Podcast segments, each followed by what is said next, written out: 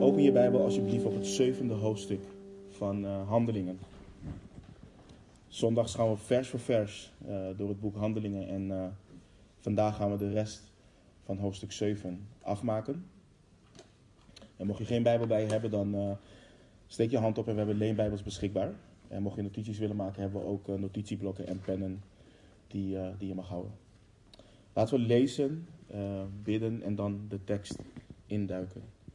Dus handelingen 7 vanaf vers 54. En dan schrijft Lucas onder leiding van de Heilige Geest. Toen zij dit hoorden, barsten hun harten van woede en knarsten zij hun tanden tegen hem. Maar hij, vol van de Heilige Geest, hield zijn ogen naar de hemel gericht en zag de heerlijkheid van God en Jezus staande aan de rechterhand van God. En hij zei: Zie, ik zie de hemelen geopend en de zoon des mensen staande aan de rechterhand van God. Maar zij riepen met luide stem, stopten hun oren dicht en stormden eensgezind op hem af. En zij wierpen hem de stad uit en stenigden hem. En de getuigen legden hun kleren af aan de voeten van een jonge man die Saulus heette. En zij stenigden Stefanus terwijl deze Jezus aanriep en zei: Heere Jezus, ontvang mijn geest. En terwijl hij op de knieën viel, riep hij met luide stem: Heere, reken, hun deze zonde niet toe. En toen hij dat gezegd had, ontsliep hij. De zoon ontzagwekkend sliep. Laten we bidden. Heere God, we zijn u dankbaar, Heer, voor het getuigenis van Stefanus, Heer.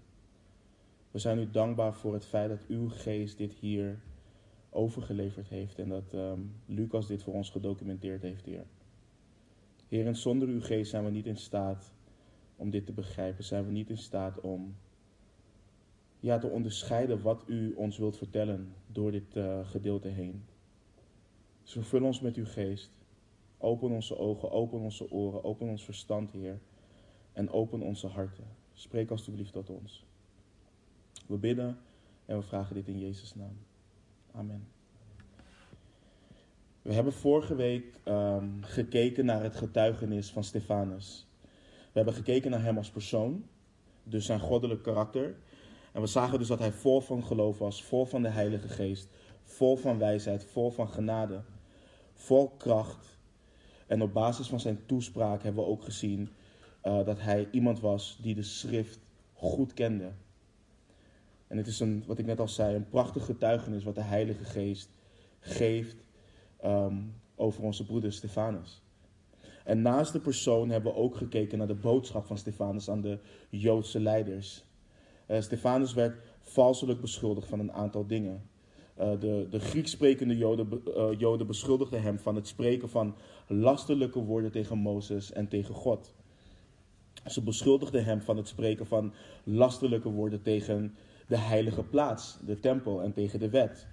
En ze beschuldigden hem van het feit dat Jezus de tempel zal afbreken en de gebruiken zal veranderen die Mozes hen heeft overgeleverd. En vanuit die beschuldigingen heeft uh, Stefanus vol van de Heilige Geest de langste toespraak die we in handelingen kunnen lezen gegeven. En na een grondige geschiedenisles te geven aan het volk Israël, of van het volk Israël, en laten weten dat ze bevoorrecht waren als een volk van God, maar ze continu ongehoorzaam waren, continu afgoden aanbaden en continu door God gezonde leiders afwezen, God toch op een soevereine wijze zijn genade aan zijn volk bleef tonen. Maar Stefanus waarschuwde hen en merkte op dat ze net als hun voorvaderen waren. En hij zei vanaf vers 51 in Handelingen 7: hardnekkigen en onbesnedenen van hart en oren. U verzet u altijd tegen de Heilige Geest, zoals uw vaderen deden, zo doet u ook. Wie van de profeten hebben uw vaderen niet vervolgd?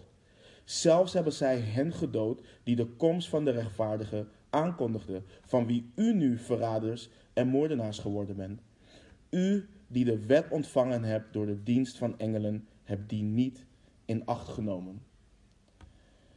En dat brengt ons naar onze tekst van vandaag. En ik was van plan om door te gaan uh, in hoofdstuk 8 en het werk van uh, Filippus in Samaria te behandelen, maar de heren achten het goed om stil te staan bij dit stuk tekst, wat we nu gaan behandelen. En vanaf vers 54 lezen we de reactie van de Joodse leiders en waarschijnlijk dan ook de Grieks sprekende Joden die hem valselijk hebben beschuldigd. En dan lezen we dus, toen zij dit hoorden, de Joodse leiders, barsten hun harten van woede en knarsten zij hun tanden tegen hem.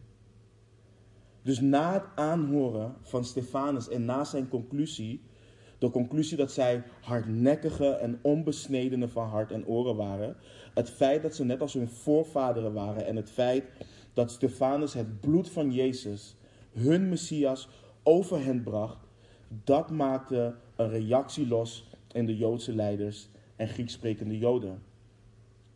En de tekst leert ons dus dat hun harten barsten van woede. En in het Grieks schetst dit het idee dat hun harten in, in tweeën was gescheurd. Dat ze tot in hun diepste van hun wezen zijn geraakt en dat de reactie wat daaruit voortkwam woede was. En wat we hier zien is precies wat de Heere Jezus onderwijst in Lucas 6:45. De goede mens brengt het goede voort uit, het, uit de goede schat van zijn hart. En de slechte mens brengt het slechte voort uit het slechte van zijn hart. Want uit de overvloed van het hart spreekt zijn mond. Het is niet zo dat deze mensen van binnen goed waren en dat, de woorden van Stefanus, en dat door de woorden van Stefanus zij zichzelf niet meer in de hand hadden en zo reageerden. Dit was wat in hun hart leefde. Dit is hoe een hart vol kwaad reageert op het woord van God. Dit is hoe een hoogmoedig hart zich verzet tegen het woord van God. Een situatie produceert niet opeens gevoelens die, er, die we nooit hebben. Het laat simpelweg zien wat er altijd in ons hart leeft als gevallen mensen. En hoe kan het woord dit effect hebben op mensen? En we hebben dit vers vaker ehm, geciteerd. Maar de schrijver van Hebreeën legt het heel goed uit. Want het woord van God is levend en krachtig en scherper dan enig tweesnijdend zwaard. En het dringt door tot op de scheiding van ziel en geest, van gewrichten en merg. En het oordeelt de overleggingen en gedachten van het hart. Het is een levend woord van de levende God, wat Stefanus tot de harten van deze man, mannen heeft gesproken. En dit woord heeft hen zo veroordeeld dat zij zich niet in nederigheid hebben onderworpen aan God in bekering, maar dat zij zich bleven verzetten. Ze barsten van woede in hun harten en knarsten hun tanden tegen hem. Ze wilden bewust niet meer naar hem luisteren. Ze waren vastberaden om geen enkel woord meer uit zijn mond aan te horen. Deze mannen konden zichzelf niet meer beheersen. En dit leert ons een belangrijk aantal zaken. Want soms wordt de vraag gesteld waarom we het zoveel over het zondige hart hebben. Het is alsof er een, weet je, een oude plaat vastloopt en we de hele tijd over dezelfde dingen hebben. Over zonde, over zonde, over verlossing. Waarom hebben we het zoveel over de staat waarin mensen zich bevinden? En waarom hebben we het zoveel over de staat waarin we ons bevonden als we nu christenen zijn, als we nu verlost zijn? We zijn immers toch nieuwe scheppingen? En dan is een vraag aan mij vaak: vind je het leuk om het te hebben over hoe slecht mensen zijn? En het antwoord is nee. Want elke keer als ik het daarover heb, word ik ook geconfronteerd met mijn eigen zondige hart. En ik vind het in mijn vlees ook niet leuk, maar het hierover hebben rust ons toe om te begrijpen wat er om ons heen gebeurt en waarom mensen zo vijandig reageren op een boodschap van hoop en liefde. Dat Jezus Christus is gekomen om te sterven voor zondige mensen. Om uit de dood op te staan voor zondige mensen. En de zondeval, en het is echt belangrijk om te beseffen, de zondeval was niet puur en simpelweg dat twee mensen aten van een boom waarvan ze niet mochten eten. Het is niet dat mensen een foutje hebben gemaakt. Adam en Eva stierven daar. Ze waren op dat moment afgesneden van God. Ze waren in de volledige heerlijkheid van God en hebben zichzelf afgesneden van God. Ze zijn zelf gaan bepalen wat goed en kwaad is. Hun harten werden gevuld met egoïsme, hoogmoed, rebellie, kwaad, losbandigheid, afgunst, ruzie, woedeuitbarstingen en ga zo maar door. En dit bleef niet bij Adam en Eva. Hun kinderen hebben dit geërfd. Kain slaat nog geen hoofdstuk later zijn broer dood. Hij slacht hem, zijn eigen broer, van vlees en bloed. Uit jaloezie, uit afgunst. Het nageslacht van Kain, Lamech, neemt twee vrouwen. En vervolgens schept hij op hoe hij een man doodde. En in Genesis 5, 6, vers 5 lezen we. En de Heere zag dat de slechtheid van de mens op de aarde groot was. En dat al de gedachtenspinsels van zijn hart elke dag alleen maar slecht waren. En niet lang hiervoor zag de Heere God alles wat hij gemaakt had en zag dat het zeer goed was. En zo kan ik heel Genesis doorgaan. Maar omwille van de tijd gaan we dat niet doen. Maar let op dit vers in Richteren. Het laatste vers van Richteren zegt dit. In die dagen was er geen koning in Israël. En ieder deed wat juist was in zijn eigen ogen. Dit is, dit is echt triest. En waarom benadruk ik dit? We zijn allemaal, ieder mens hier is het nageslacht van Adam. Ieder mens hier is het nageslacht van Adam. Wij hebben allemaal de zonde geërfd van onze vader Adam. Niemand van ons is in zijn, haar, in zijn of haar vlees een haar beter dan de Joodse leiders die we hier lezen. En waarom benadruk ik dat weer? Want de gedachte heerst in ons modern evangelisch christendom. Dat wanneer we met een boodschap van hoop en liefde komen, mensen dat daadwerkelijk ook aannemen in liefde. Dat mensen ons zullen bedanken voor de prachtige en glorieuze woorden die God ons overgeleverd heeft. Ook al weten we dat de Heer Jezus heeft gezegd dat de wereld ons zal haten. Ook al weten we dat de Heer Jezus heeft gezegd dat we niet meer dan onze Heer en Meester zijn.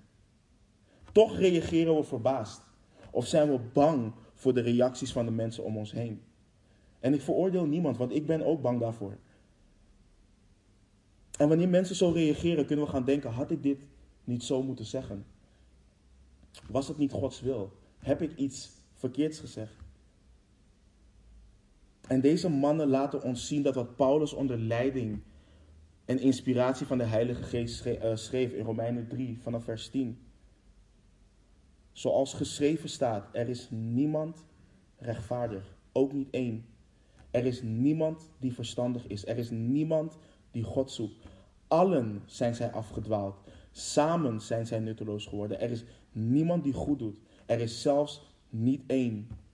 Hun keel is een open graf, met hun tong plegen zij bedrog.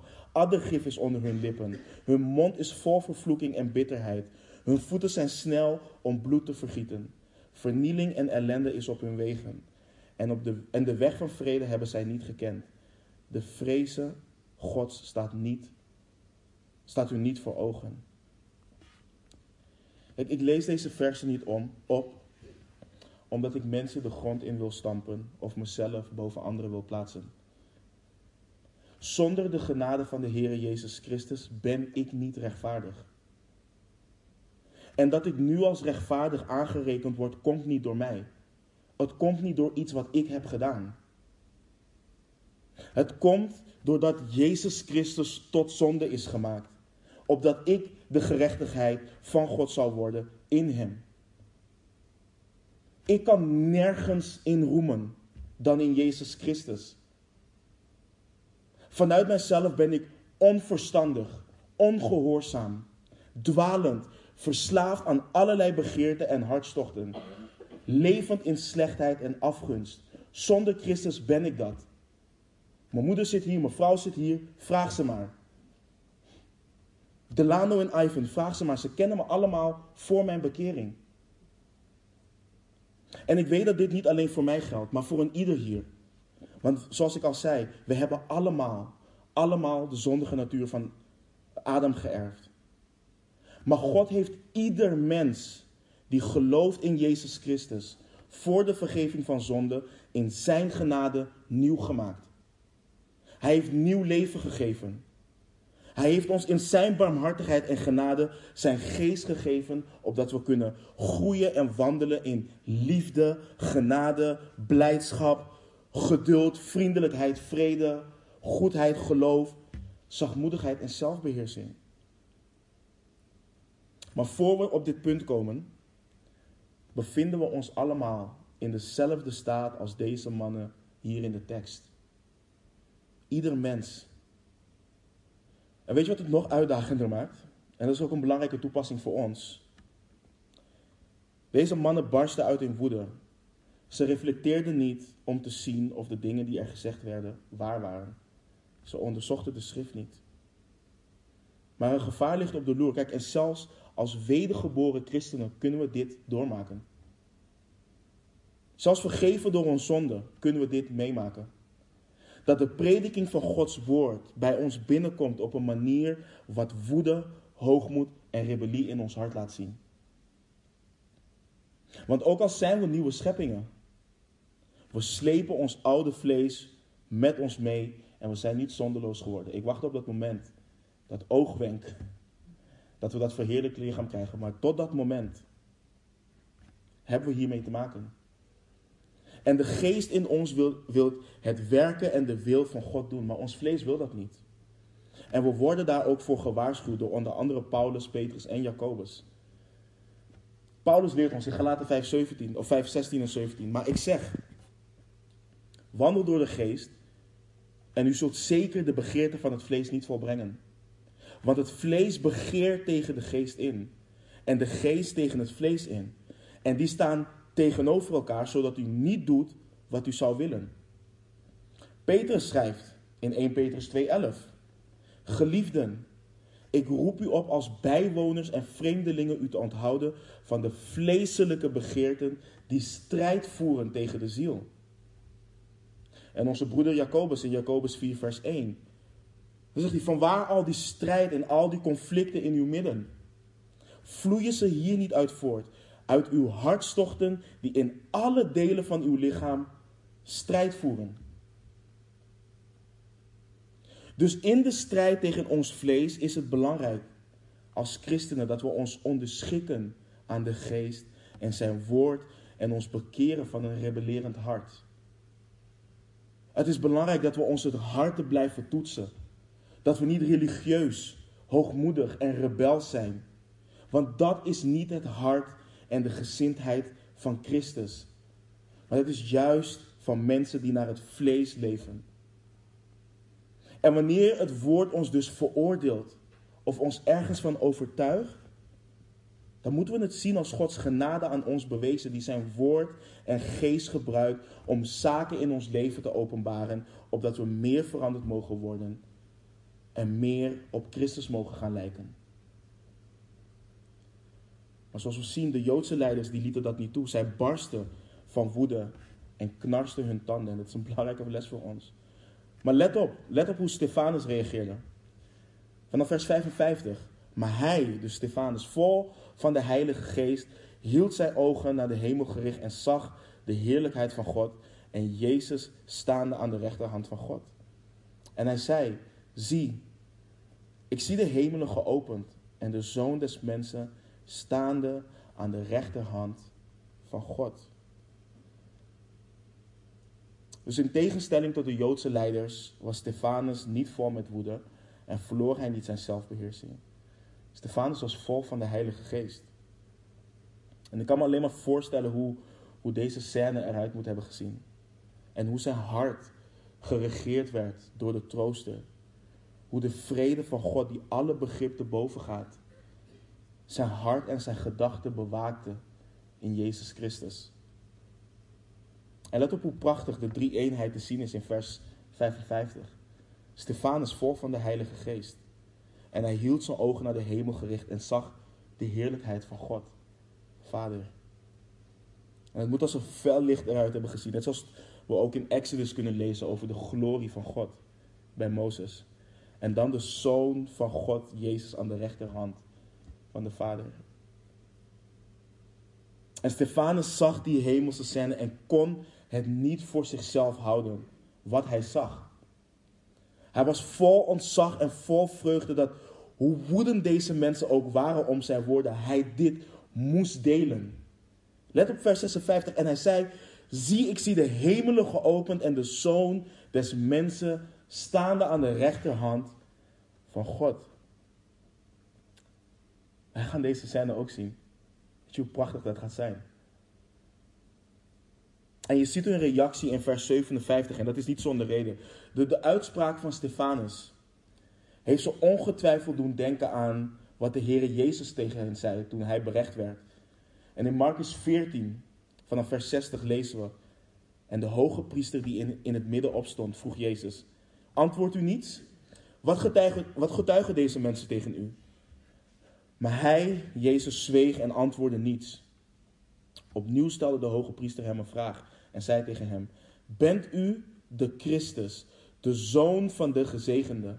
En Jezus zei: Ik ben het. En u zult de zoon des mensen zien zitten aan de rechterhand van de kracht van God en zien komen met de wolken van de hemel. En deze woorden moeten hen automatisch in hun gedachten naar de profeet Daniel hebben gebracht.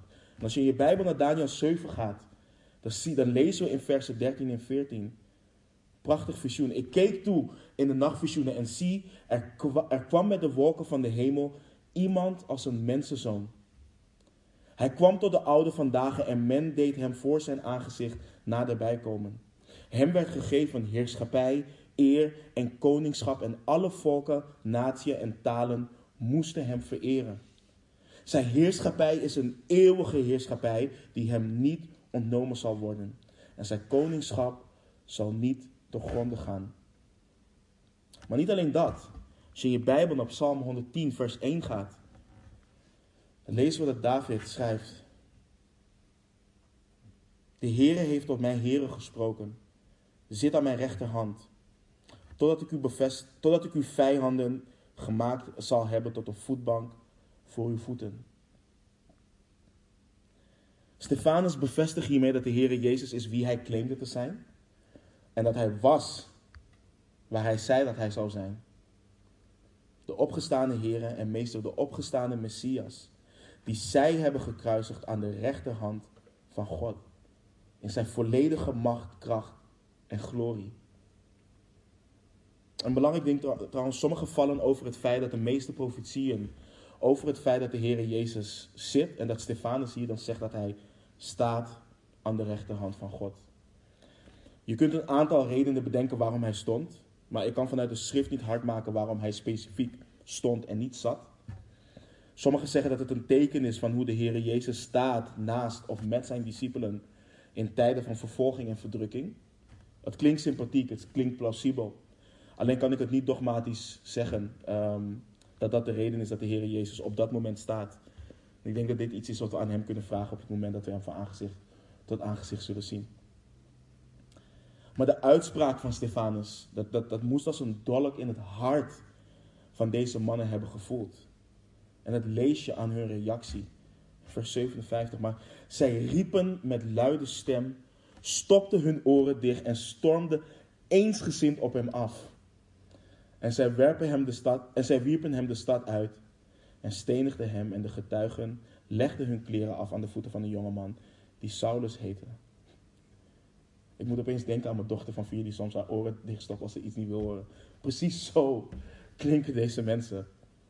Maar ik zei het eerder al, dus het Sanhedrin, de, de, de Joodse leiders, ze wilden niet horen wat Stefanus te vertellen had. Ze schreeuwden door hem heen met luide stem en ze stopten hun oren dicht en stormden eensgezind op hem af.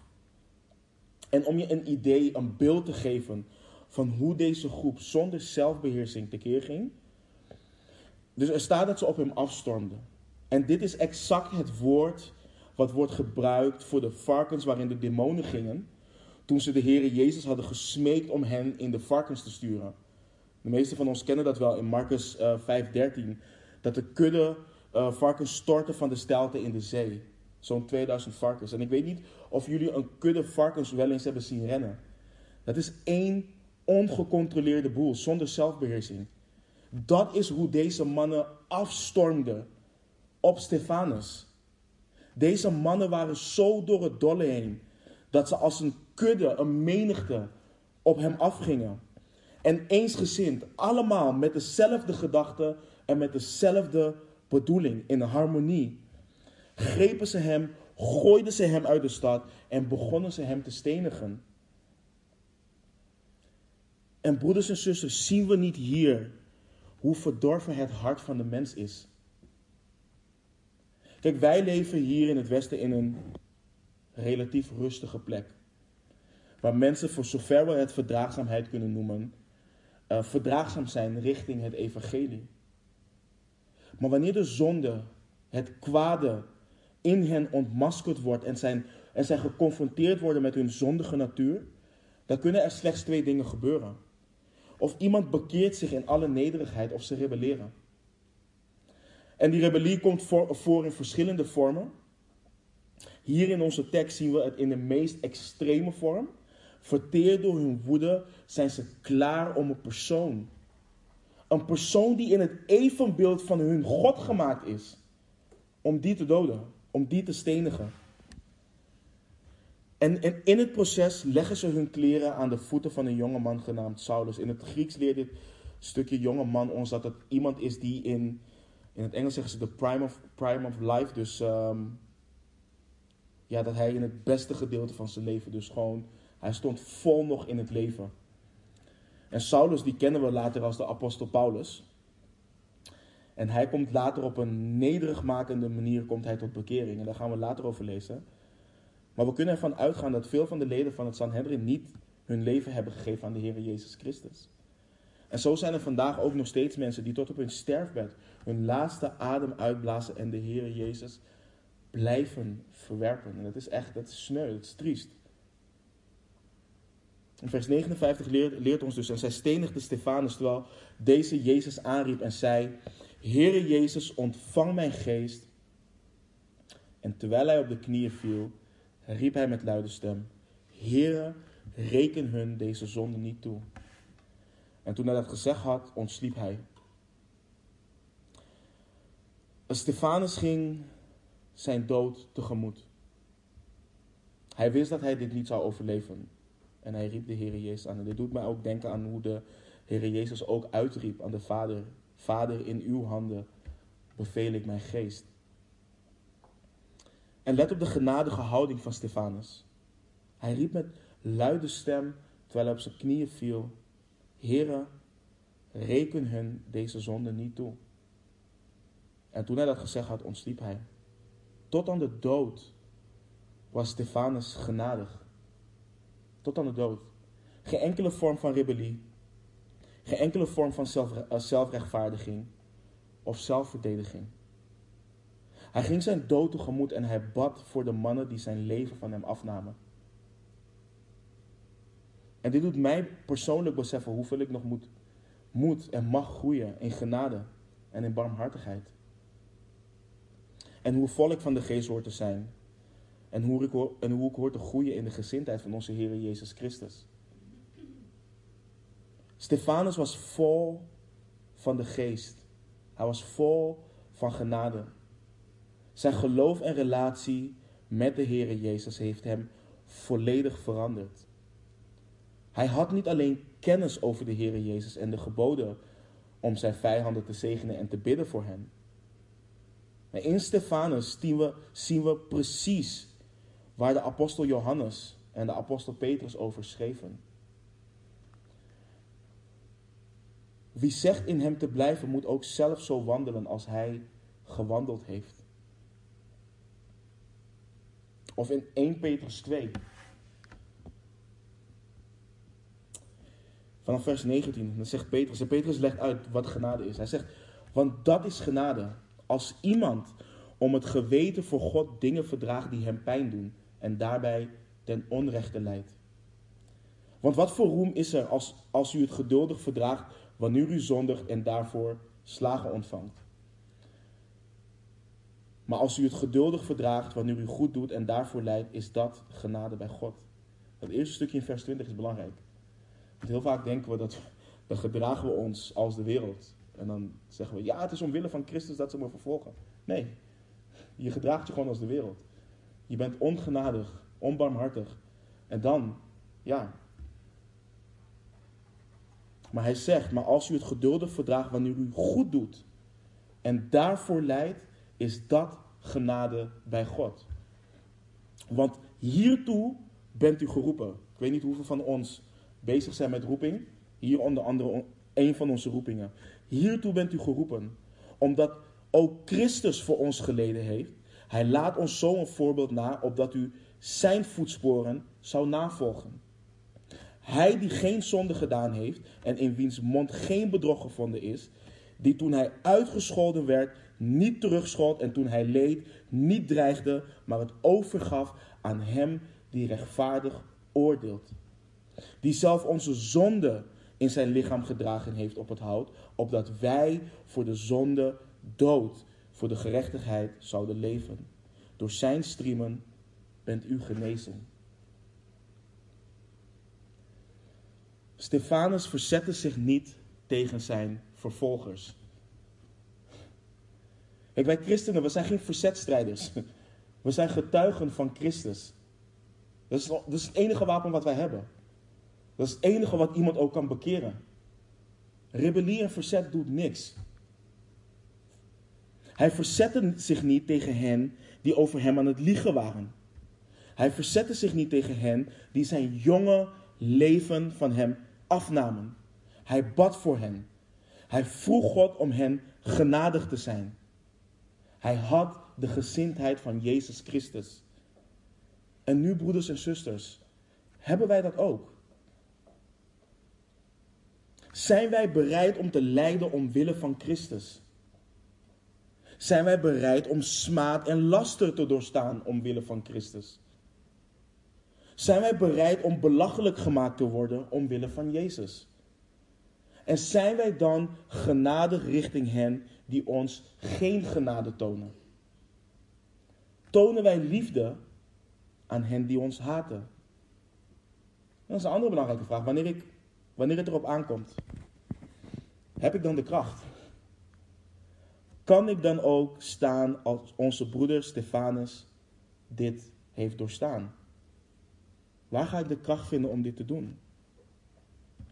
Ik had toevallig laatst met uh, zuster Paula hierover. Kijk, als, als iemand mij dit vraagt nu, zou ik dit doorstaan? Ik weet niet of ik ja of nee zal zeggen.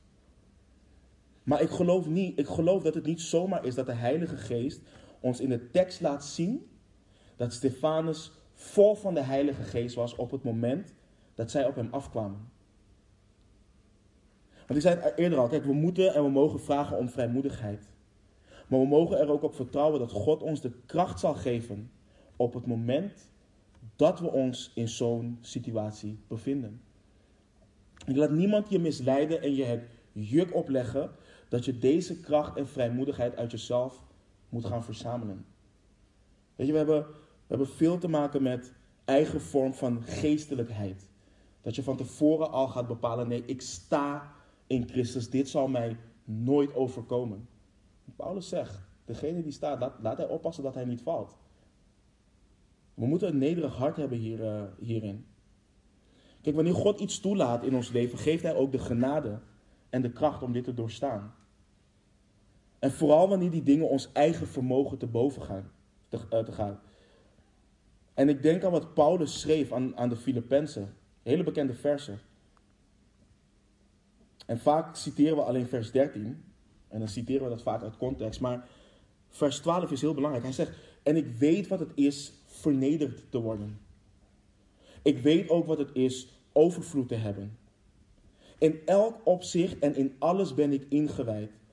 Zowel in verzadigd te zijn als in honger te lijden. Zowel in overvloed te hebben als in gebrek te lijden. En dan kun je dit vers citeren, vers 13. Alle dingen kan ik aan door Christus die mij kracht geeft. En waarom ik dit benadruk is, kijk, voel je niet schuldig als je nu wordt gevraagd, kan je dit aan? En het antwoord is nee. Maar je wel de vrijmoedigheid en het verlangen hebt. Prijs de Heer en vraag Hem om je hierin te doen groeien. Hij is genadig, Hij is geduldig en Hij geeft ons wat we nodig hebben op het moment dat we het nodig hebben. Maar lees je dit En reageer je met rebellie in je hart? Vind je dat wanneer dit je overkomt, je jezelf moet laten gelden? Vind je dat je moet rebelleren en je voor je recht moet staan? Vind je dat je terug moet schelden? Broeder of zuster, dan moet je je bekeren. Dat is niet het hart van Jezus Christus. Dat is geen genade, leert Petrus ons onder leiding van de Heilige Geest. God leert ons, en we hebben dat net gelezen in zijn woord, dat genade is als iemand om het geweten voor God dingen verdraagt die hem pijn doen en daarbij ten onrechte leidt. Als wij vreemdelingen zijn hier op aarde, dan hebben wij geen rechten hier op aarde. Ons burgerschap is in de hemel.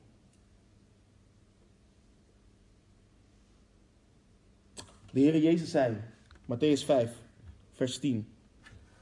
Zalig zijn zij die vervolgd worden om de gerechtigheid, want van hen is het koninkrijk der hemelen. Zalig bent u als men u smaadt en vervolgt en door te liegen allerlei kwaad tegen u spreekt omwille van mij. Verblijd u en verheug u, want uw loon is groot in de hemelen. Want zo hebben ze de profeten vervolgd die er voor u geweest zijn. De Heere Jezus zegt dat zij die vervolgd worden, die gesmaad en, ehm, en, en verdrukt worden omwille van zijn naam, zalig zijn. En het woord zalig betekent in het Grieks dol gelukkig. En waarom? Want uw loon is groot in de hemelen. En dit brengt, dit brengt mij naar mijn volgende punt. Stefanus sterft hier. En hij is wat wij noemen een martelaar. Hij is de eerste martelaar die we tegenkomen in, uh, sinds de geboorte van, van de kerk. En hij is de eerste, maar hij is zeker niet de laatste. En ik wil met jullie kijken naar dit woord, want Paulus, die bij, bij deze steniging is, die, die praat daar ook later over in Handelingen 20, vers, uh, in Handelingen 22, vers 20. Dus praat hij over uh, Stefanus. En dan zegt hij, en toen het bloed van Stefanus, uw getuige, vergoten werd, stond ik daar ook bij en stemde verharde in met zijn dood. En paste op de kleren van hen die hem doden. Wanneer we denken aan het woord martelaar, dan denken we vaak aan iemand die gestorven is voor zijn of haar geloof in Jezus Christus. Nou, aan de ene kant is dit logisch, maar aan de andere kant is het woord martelaar niet simpelweg iemand die fysiek gestorven is voor zijn geloof. Wat we net al zien, Handelingen 22, vers 20, vertaalt het woord wat wordt gebruikt heel goed. Het woord martelaar in het Grieks is het woord getuige. En het Griekse woord waar we ons woord martelaar vandaan hebben is het woord martos. En dat betekent, zoals ik net al zei, getuige. En in het bijzonder een ooggetuigen of een oorgetuigen, als je dat kan zeggen. Iemand die getuigen is van wat hij gezien of wat hij gehoord heeft. En waarom ik dit aanhaal, is om, om ons te doen beseffen dat een ieder van ons die gelooft in Jezus Christus een getuigen is. Een ieder van ons is een martos, een martelaar. We zijn levende martelaren. Levende getuigen van de levende Heere Jezus Christus. En vooropgesteld, de kans dat een van ons hier in het Westen de dood zal ondergaan, zoals Stefanus dat is ondergaan, is voor ons relatief klein. Maar voor onze broeders en zusters in Pakistan, Noord-Korea, China, India is dit hun dagelijkse portie. En daarmee wil ik absoluut niet afdoen aan de manier van verdrukking en vervolging waarmee wij hier in het Westen te maken hebben. Want we hebben dat ook. Wij hebben ook onze uitdagingen. Maar we moeten waakzaam blijven en niet comfortabel worden in onze manier van vervolging en bereid zijn om de vervolging zoals Stefanus en de rest van de apostelen hebben doorgemaakt. Daar moeten we toe bereid zijn. Want door onze vorm van democratie in het Westen kunnen wij denken dat wij uitgesloten zijn van deze vorm van vervolging en dat het, ons niet, dat het niet van ons gevraagd wordt. Maar niets is minder waar. Dit geldt voor iedere wedergeboren christen. Maar dan wil ik de vraag ook stellen en die ook beantwoorden. Waarom? Waarom zou een persoon dit doen? Waarom zou een weldenkend mens zo lijden voor hun geloof in Jezus Christus? Waarom zou iemand de dood in de ogen aankijken met blijdschap, rust, genade en zoveel liefde? Waarom doen mensen dat? Want ik zei al, Stefanus is niet de enige. Let op de apostel Paulus in Handelingen 20 vanaf vers 22. En ik vind dit zulke prachtige uh, versen. De apostel Paulus heeft hier de ouderlingen in Efeze laten halen. En zij willen niet dat hij naar Jeruzalem gaat. Ze zijn bang dat ze hem nooit meer terug zullen zien. Omdat hem daar de dood te wachten staat. Maar let heel goed op de reactie van de apostel Paulus. Hij zegt, en nu, zie, ik reis gebonden door de geest naar Jeruzalem. En ik weet niet wat ik daar zal tegenkomen. Behalve dan dat de Heilige Geest van stad tot stad getuigt dat mij boeien en verdrukkingen te wachten staan. Maar ik maak mij nergens zorgen over. En ook acht ik mijn leven niet kostbaar voor mijzelf, opdat ik mijn loop met blijdschap mag volbrengen, evenals de bediening die ik van de Heer Jezus heb ontvangen, van, ontvangen heb, om te getuigen van het evangelie van Gods genade. En nu, zie, ik weet dat u allen, bij wie ik rondgegaan ben en het koninkrijk van God gepredikt heb, mijn gezicht niet meer zult zien. De Heilige Geest heeft Paulus duidelijk gemaakt dat hem boeien en verdrukkingen te wachten staan. Staat. Als iemand mij dat duidelijk maakt in mijn vlees, dan uh, zeg ik, waar kan ik mijn ontslagbrief indienen? Hij weet niet, en, en, en let op, hij weet ook niet in wat voor vorm. Maar de geest heeft hem duidelijk gemaakt dat die dingen hem te wachten staan. En Paulus heeft op dit moment in zijn leven, heeft hij al genoeg meegemaakt. En let op wat hij zegt in vers 24. Ik maak me nergens zorgen over. Paulus maakt duidelijk in het Grieks dat hij niet bewogen wordt door deze dingen. Hij acht zijn leven niet kostbaar voor zichzelf. In zijn eigen ogen is zijn leven niet kostbaar. En niet zoals de mensen eh, van de wereld zijn of haar leven kostbaar acht. En dit zijn niet zomaar woorden van de apostel Paulus. Hij heeft dit doorleefd. Hij leefde echt op die manier. Want Paulus schrijft aan Timotheus in 2 Timotheus 3:12. En ook allen die godvruchtig willen leven in Christus Jezus, zullen vervolgd worden. Maar ik hoor iemand misschien denken en zeggen: ja, maar de apostel Paulus en de andere apostelen, die waren van een ander kaliber die waren uit ander hout gesneden. Maar dit is altijd de houding geweest van mensen die godvruchtig wilden leven in Jezus Christus. Dit is altijd de houding geweest van mensen die wilden leven voor zijn eer en voor zijn glorie.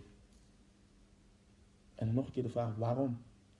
En ik kan tot geen enkel antwoord komen. Geen enkel ander beter antwoord dan een van mijn favoriete versen in het Nieuwe Testament. In Galaten 2:20, waar Paulus onder leiding van de Heilige Geest schrijft. Ik ben met Christus gekruisigd. En niet meer ik leef, maar Christus leeft in mij. En voor zover ik nu in het vlees leef, leef ik door het geloof in de Zoon van God, die mij heeft liefgehad en zichzelf voor mij heeft overgegeven. Ieder persoon die tot Jezus Christus is gekomen, is al dood.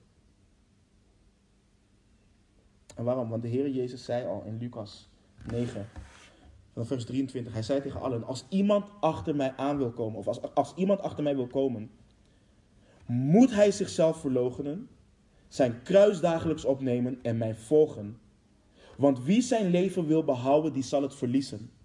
Maar wie zijn leven zal verliezen omwille van mij, die zal het behouden. behouden. Want wat baat het een mens heel de wereld te winnen en zichzelf te verliezen of zelf schade te lijden? Broeders en zusters, misschien, misschien kom ik sterk over nu of intens of wat dan ook, maar dit leven, dit, dit, dit geloof in Jezus Christus, dit is iets diepgaands. Om tot Christus te komen, om in Hem te zijn, moet iemand eerst sterven aan zichzelf.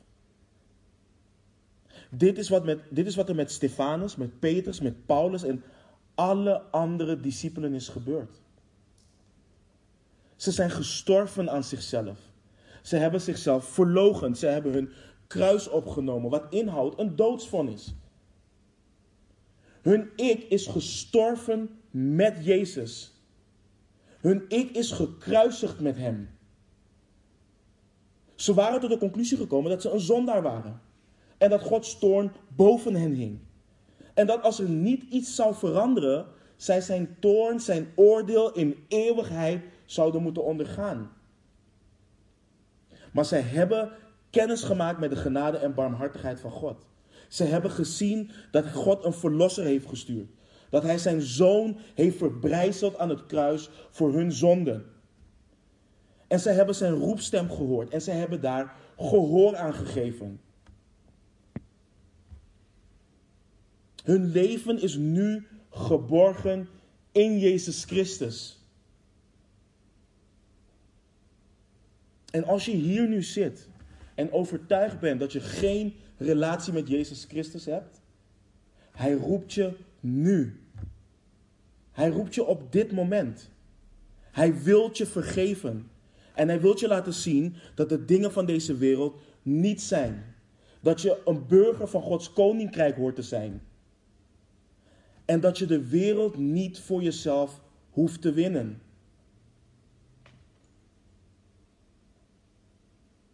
Hij laat je zien dat je niet van deze wereld hoort te zijn en dat je uitverkoren in Christus bent.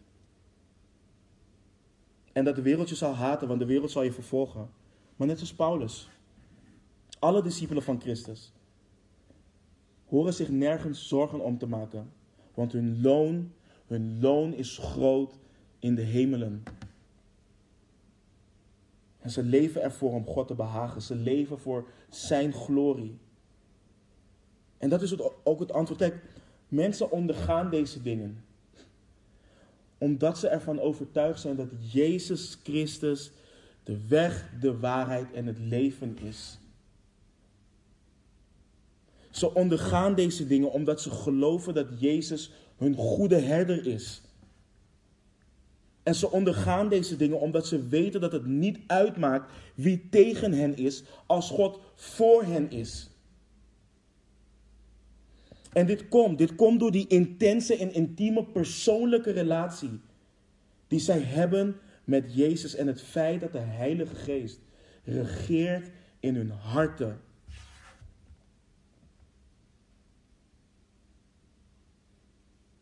Stefanus is gestorven omdat hij leefde. Hij was dood voor de wereld, maar springlevend in de handen van zijn schepper.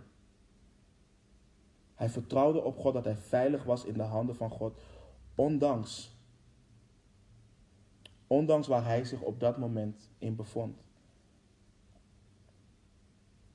En lieve broeders en zusters, dit leven als getuige, als martelaar, ik zeg het nogmaals, het is voor een ieder van ons. Dit is het leven wat God voor ons heeft. En misschien denk je nu, ik, ik wil helemaal geen leven waarin ik gesmaad word. Ik wil helemaal geen leven waarin mensen mij haten en waar ik te maken krijg met verdrukking en vervolging. En ik snap dat heel goed. Maar als je net als ieder mens bent, als ieder ander mens, dan wil je een doel in je leven. En hoe mooi, hoe prachtig is het om, om te leven naar het doel waarvoor je gemaakt bent. Niet een eigen gestelde doel. Niet een doel van iemand anders. Nee, het doel waarvoor jouw schepper, jouw maker, jou gemaakt heeft, gecreëerd heeft. Om te leven om Hem eer en glorie te brengen. Om te leven in vrede, liefde en vreugde met jouw maker.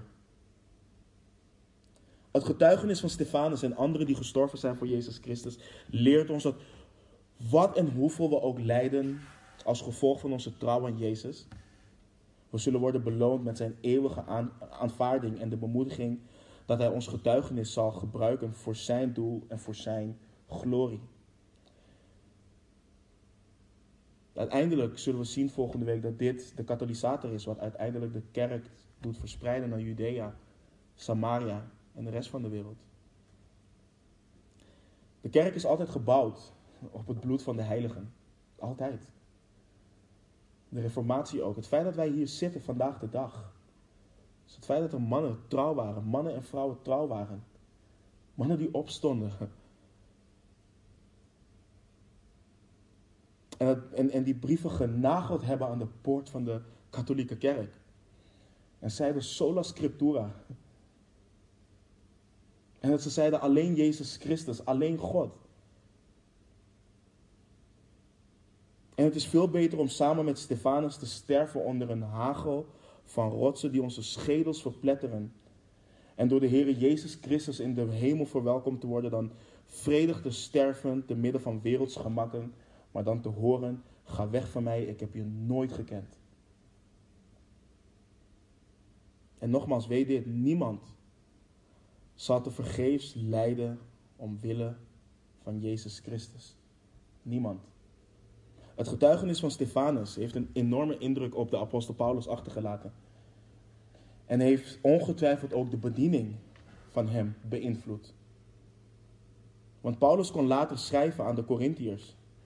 In 1 Korinthe 15, vers 58. Daarom, mijn geliefde broeders, wees standvastig, onwankelbaar, altijd overvloedig in het werk van de Heer, in de wetenschap dat uw, spanning, dat uw inspanning niet te vergeven is in de Heer.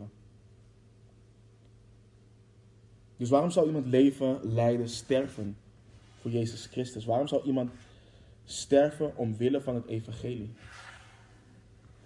Omdat het evangelie van Jezus Christus het enige is wat het waard is om, om, om zowel voor te leven als voor te sterven. Amen. Laten we bidden. Heere God, het is nogmaals ontzagwekkend, Heer, om dit allemaal zo te lezen, dit allemaal zo te behandelen. En Heer, ik beken voor mezelf en als er een broeder of zuster hier in zijn of haar hart met mij meebekent, Heer, ik ben zo zwak, zo zwak in mijn vlees. En ik bid u, Heer, dat u mij vervult, dat u ons vervult met uw geest. Ja, dat u ons de vrijmoedigheid geeft. Dat u ons ook de kracht geeft om dit leven te leiden. Het enige leven wat er is in onze Heer Jezus Christus. Heer, dat u ons woorden van eeuwig leven geeft, Heer. Wanneer wij tegenover mensen staan die u nog niet kennen. En dat u ons het hart geeft om te verdragen wanneer mensen ons smaden, wanneer we verdrukt en vervolgd worden. Heer, zonder u is dit onmogelijk. En nogmaals dank ik u voor het feit dat u, dat uw geest dit gedocumenteerd voor ons heeft. Dat we hiervan kunnen leren. En ik bid, Heer, dat deze woorden niet slechts woorden van kennis zullen zijn, maar dat u dit toepast in onze harten. Heer, opdat we eeuwig veranderd mogen worden en echt de gezindheid van onze Heer Jezus Christus mogen hebben.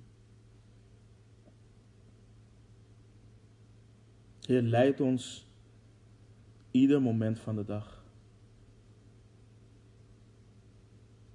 En ga alstublieft voor ons uit, Heer. We loven en prijzen uw naam, Heer. En we danken u voor de getuigenissen van de moedige mannen en vrouwen die u gebruikt heeft en die het mogelijk maken dat wij hier vandaag zo uw woord in kunnen duiken. En ik bid dat wij trouw zullen zijn, Heer. We weten niet wanneer u terugkomt. We hopen spoedig, Heer. Maar ik bid, Heer, dat zolang wij hier nog zijn, dat wij ook dat getuigenis mogen geven en zijn aan de generatie na ons, Heer. Dat we zo vol vrijmoedigheid en uh, kracht mogen staan voor onze kinderen, voor onze kleinkinderen, onze neefjes en nichtjes. We loven en prijzen uw naam en we houden van u, Heer. In Jezus' naam. Amen.